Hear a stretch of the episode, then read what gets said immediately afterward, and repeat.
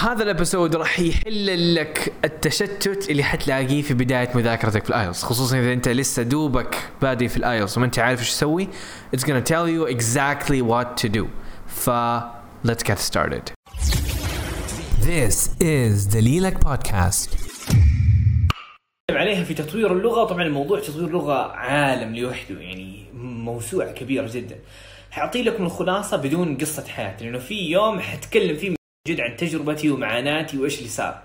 لكن الخلاصة ركز على الاستماع والقراءة اللي هي المدخلات وتدرب على الكتابة والمحادثة مع نفسك بدون معهد بدون تطبيقات ما يحتاج ولا شيء.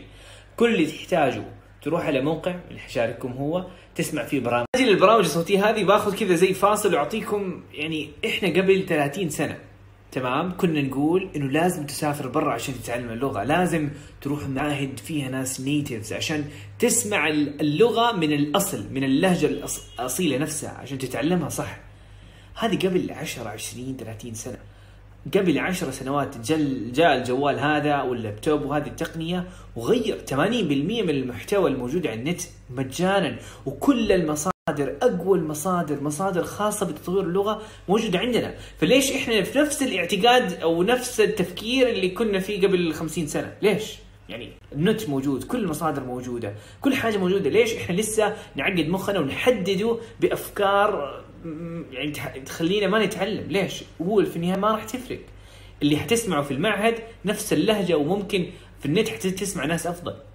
فهذه أول حاجة بوضحها. صح إنه في فوائد صح إنك لما تحيط نفسك. ما تفهم الموضوع غلط أنا ما بقول إنه لما تسافر برا ما راح تتعلم لا أقول حتتعلم نفس الفكرة لكن ليش لا من دحين؟ ليش تبغى تنتظر ثلاثة سنوات؟ ليش ما ليش ما تكون ليش ما إحنا نكون مبادرين؟ إنه أنا اليوم أقدر أعطي ساعة واحدة يوميا وخلال شهرين أجيب ال IELTS وأفتك من ال IELTS أجيب ستة ونص آخذ وظيفة آه، أدخل في المعهد اللي أبغاه في الابتعاث اللي أبغاه في الجامعة اللي أبغاها. اختصر على نفسي سنة كاملة من آه، اللغة وهرجة اللغة والتوتر اللي يجيبه. صح ولا لا؟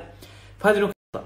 فيعني ما بقول المعهد ما حيفيدك. لا بالعكس حتستفيد حتغصب نفسك لما تكون برا. فكذا أنت مجبور على إنك مجبر على إنك تسمع وتتعامل مع ناس بالإنجليزي وتسمعهم. لكن أنت لما يمديك تسويه هنا وأنت طالع لمشوار الحين حنيجي للتفاصيل أكثر. كيف تقدر تستغل وقتك اليومي اليوم يعني كيف تبدأ. حاجة بركز عليها هي الاستماع والقراءة في تطوير اللغة لأنه ال IELTS ما يبغى حفظ كلمات ما حفظ كلمات حطها على جنب please إذا تبغى تطور لغتك وانت بتجيب درجة قوية في الآيلتس. حفظ الكلمات من جد حطها في جنب تمام؟ والجرامر اتركها. ركز على الاستماع والقراءة عن تجربة. طب إيش تسمع؟ أنت لسه لغتك مبتدئة كيف تسمع وأنت ما أنت فاهم حاجة؟ الخبر الحلو إنه في برامج صوتية خاصة لتعلم اللغة الإنجليزية للناس اللي مستواهم أقل من المتوسط زي أنا أو زي ما أنا بديت.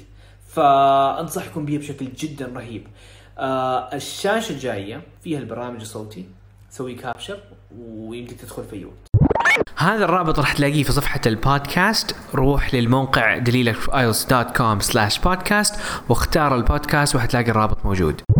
تسويه من هذا البرامج الصوتية. تدخل على الموقع تحمل عندهم عدة فيديو عدة مصادر صوتية فقط الاستماع حملها وانت رايح للسيارة في مشوارك عندك مشوار عندك شغلة أه، وانت قاعد تشتغل يعني شغل البرنامج الصوتي واسمعه. هذا الكل اللي عليك تسويه. كل يوم ساعة واحدة وراح تأثر في مستواك بشكل ملحوظ خلال أسبوع واحد بس. مرة ثانية. اسمع ساعة واحدة مو لازم بتركيز. حتى لو انت بتشتغل أو في سيارة أو بتنتظر وريفر ركز عليها ساعة واحدة يوميا وامشي عليها راح تلاحظ تغير ملحوظ واستمر عليها شهر شهرين ومستواك من مستوى أقل من المتوسط إن شاء الله راح يكون فوق المتوسط وبوعدكم بهذا الكلام. إذا ساعة واحدة يوميا مستمر عليها في شهرين مستواك تماما راح يتغير فقط بالاستماع. بدون حفظ جرامر بدون مدري إيش بدون معهد بدون كتب. الثاني اللي أنصحكم به وهذا أفضله أول حاجة الأساس هو الاستماع. إذا أنت بتسمع ممتاز. إذا ما بتسمع لازم قبل ما تسوي أي حاجة تسمع كل يوم برامج صوتية اللي اعطيت لكم هي في الرابط تحت النقطة الثانية هي إنك تس... تقرأ كل يوم روايات، قصص وروايات، الفكرة في القصص والروايات إنها تنمي الخيال وتستخدم الخيال، ولما الخيال تستخدمه في أي حاجة ما راح تنساه. تمام؟ ولما حتقرا أكثر الجرامر عندك راح يتطور، حتتعلم كلمات جديدة فقط من خلال القراءة، من خلال تخمين الكلمات راح تتعلم كلمات أكثر.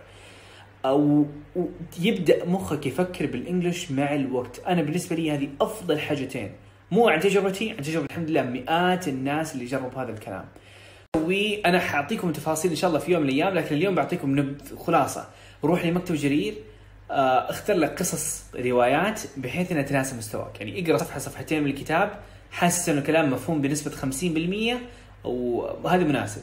إذا أنت فاهم بس 10% لا ما هو مناسب. روح لاشياء أبسط لقصص أبسط أو قصص صغيرة أكثر. ويعني حاجة تكون فيها تحدي لكن تكون فاهم 50% من الكلام. واختار هذه القصة وابدأ اقراها كل يوم ساعة واحدة يوميا. مستواك راح يتحسن بشكل رهيب. حاجتين قلنا الاستماع والقراءة. مستواك في اللغة كليا راح يتغير محادثتك راح تتحسن حتكتب يعني أول نقطة اللي هي تطوير اللغة، من خلال الاستماع والقراءة مهاراتك راح تتطور بشكل رهيب وحتفيدك في اختبار ايلتس بشكل جدا جدا ملحوظ.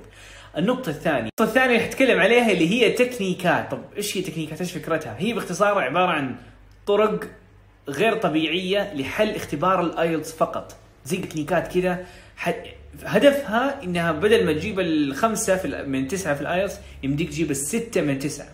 أعطيكم مثال سريع. قسم القراءة إحنا كيف نقرأ؟ إحنا إذا عندنا زي قط- قطعة وعندنا اسئلة إيش حنسوي؟ فإذا عندنا قطعة حنقرأ القطعة حنفهمها حنروح للأسئلة حنجاوب على الأسئلة صح ولا لا؟ لكن اختبار الآيلتس يا حبيبي الموضوع مرة مرة مختلف. عندك الوقت مرة قصير، القطع طويلة، الكلمات صعبة، فإنك تقرأ وتفهم كل حاجة جاوب عليها يعني حتنخسف في درجات حتلاحظ إنه اختبار مرة صعب ودرجة تكون شوي نازلة. عندنا تكنيكة مثلا اسمها تكنيكة حاد اللي هي إنك بدل ما تقرأ. القطع في البداية تقرأ الأسئلة وتقرأ القطع بشكل سريع بعدين ترجع وتدور على الإجابة و... و... يعني ما أقدر أشرح لكم هي في ثواني بسيطة لكن حتساعد يعني الناس اللي كانوا يجيبوا خمسة من تسعة في الآيلتس في القراءة صاروا يجيبوا ستة وستة وفوق بهذا التكنيكة بس بهذا التكنيكة فتكنيكات راح تساعدك. لكن زي ما قلت لك هذه ما هي كل حاجة. إذا تعلمت تكنيكات ما راح تبدع وتجيب السبعة إذا مستواك مبتدئ. لازم تطور لغتك لازم التكنيكات ولازم الشيء الثالث اللي هو- التدرب. التدرب عبارة عن اختبارات تجريبية. إنك تحط نفسك في موع... في موقف الاختبار في بيتك. مو اختبار تجريبي يعني تروح لا. وأنت في بيتك تاخذ كانك في اختبار حقيقي. وتمثل زي كأنك في الاختبار وتطبق التكنيكات وتحاول أفضل ما عندك وتشوف كم جبت وتعيد هذا ال process مرة ومرة ومرة. في مصادر مرة كثيرة للاختبارات التجريبية. حاعطيكم هي. هذا الرابط راح تلاقيه في صفحة البودكاست. روح للموقع دليلك في ielts.com slash podcast واختار البودكاست وحتلاقي الرابط موجود. أو يمديك تروح تشتري كتب كامبريدج وتستخدم فيها اختبارات تجريبيه وهذه الخلاصة. نركز على هذه الثلاث نقاط وحتبدع في اختبار الآيلتس. إذا أنت حاسس إن مستواك جدا مبتدئ ولسه ما أنت جاهز أو عندك ثلاثة أربعة أشهر ابدأ بتطوير اللغة التكنيكات والتدرب خذهم في آخر شهرين. فهمت الكلام؟ إذا باقي لك باقي على اختبارك أكثر من شهرين ركز على تطوير اللغة وآخر شهرين ركز على التكنيكات والتدرب لكن إذا عندك خلال شهرين لازم تختبر الآيلتس ركز على الثلاثة مع Thank you so much for listening. مرة مقدر اهتمامك واستماعك ودعمك. فهذه الأيام صراحة بحاول إنه أعطي أفضل ما عندي وإنه أساعد الجميع. فأي سؤال وأي استفسار كلمني على الخاص. وإذا حبيت إنك تتابع البودكاست لأنه قاعد أنزل حلقات مرة قوية عن التحفيز عن الآيلتس عن تطوير اللغة عن قصتي فتابعني على دليلك في ielts.com slash podcast عشان تشترك في البودكاست هذا ويعطيكم ألف عافية. مع السلامة.